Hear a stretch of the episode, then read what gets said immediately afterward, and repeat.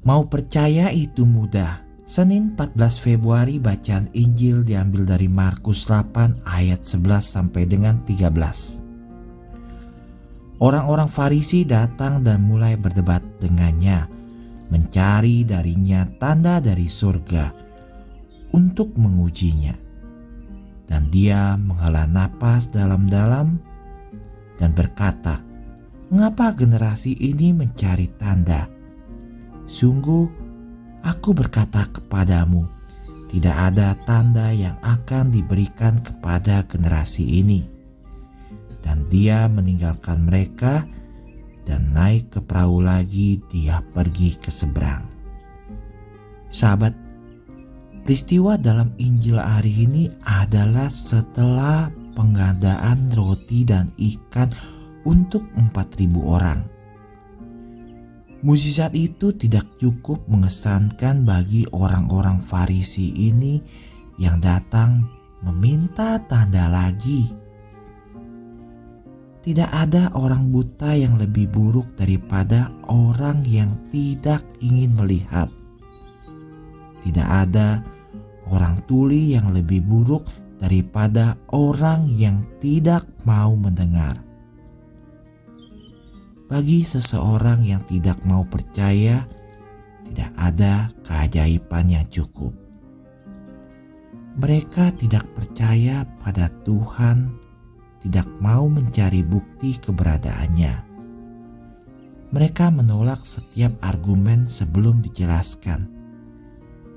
Mereka seperti anak laki-laki yang sedang mengambil pelajaran mengemudi Instrukturnya khawatir karena setiap ada truk yang datang dari arah berlawanan, anak itu panik dan instruktur harus menahan setir.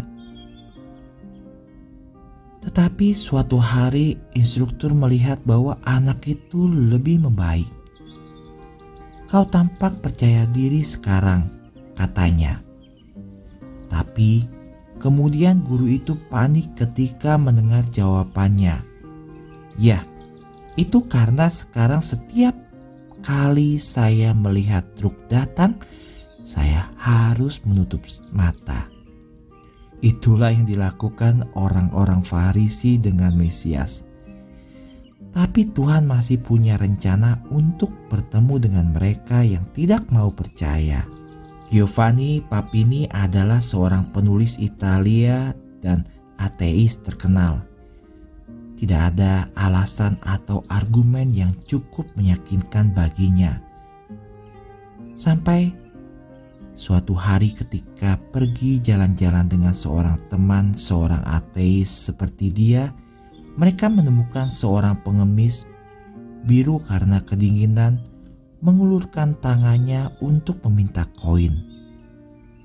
Papini mengeluarkan koin-koin dari sakunya dan berkata sambil tersenyum lebar, Koin ini untukmu jika kamu mengucapkan dua atau tiga hujatan yang baik.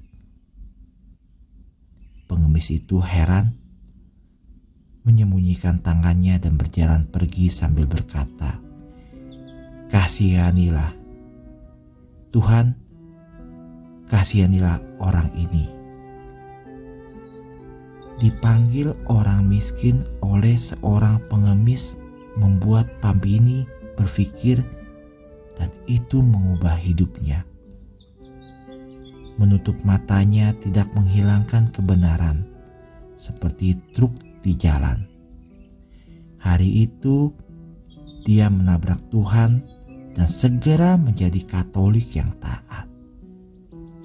Maria, perawan yang paling setia, saya berdoa melalui syafaat Anda hari ini bagi mereka yang masih tidak mau percaya. Bunda Maria harapan kita dan tata kebijaksanaan, doakanlah kami.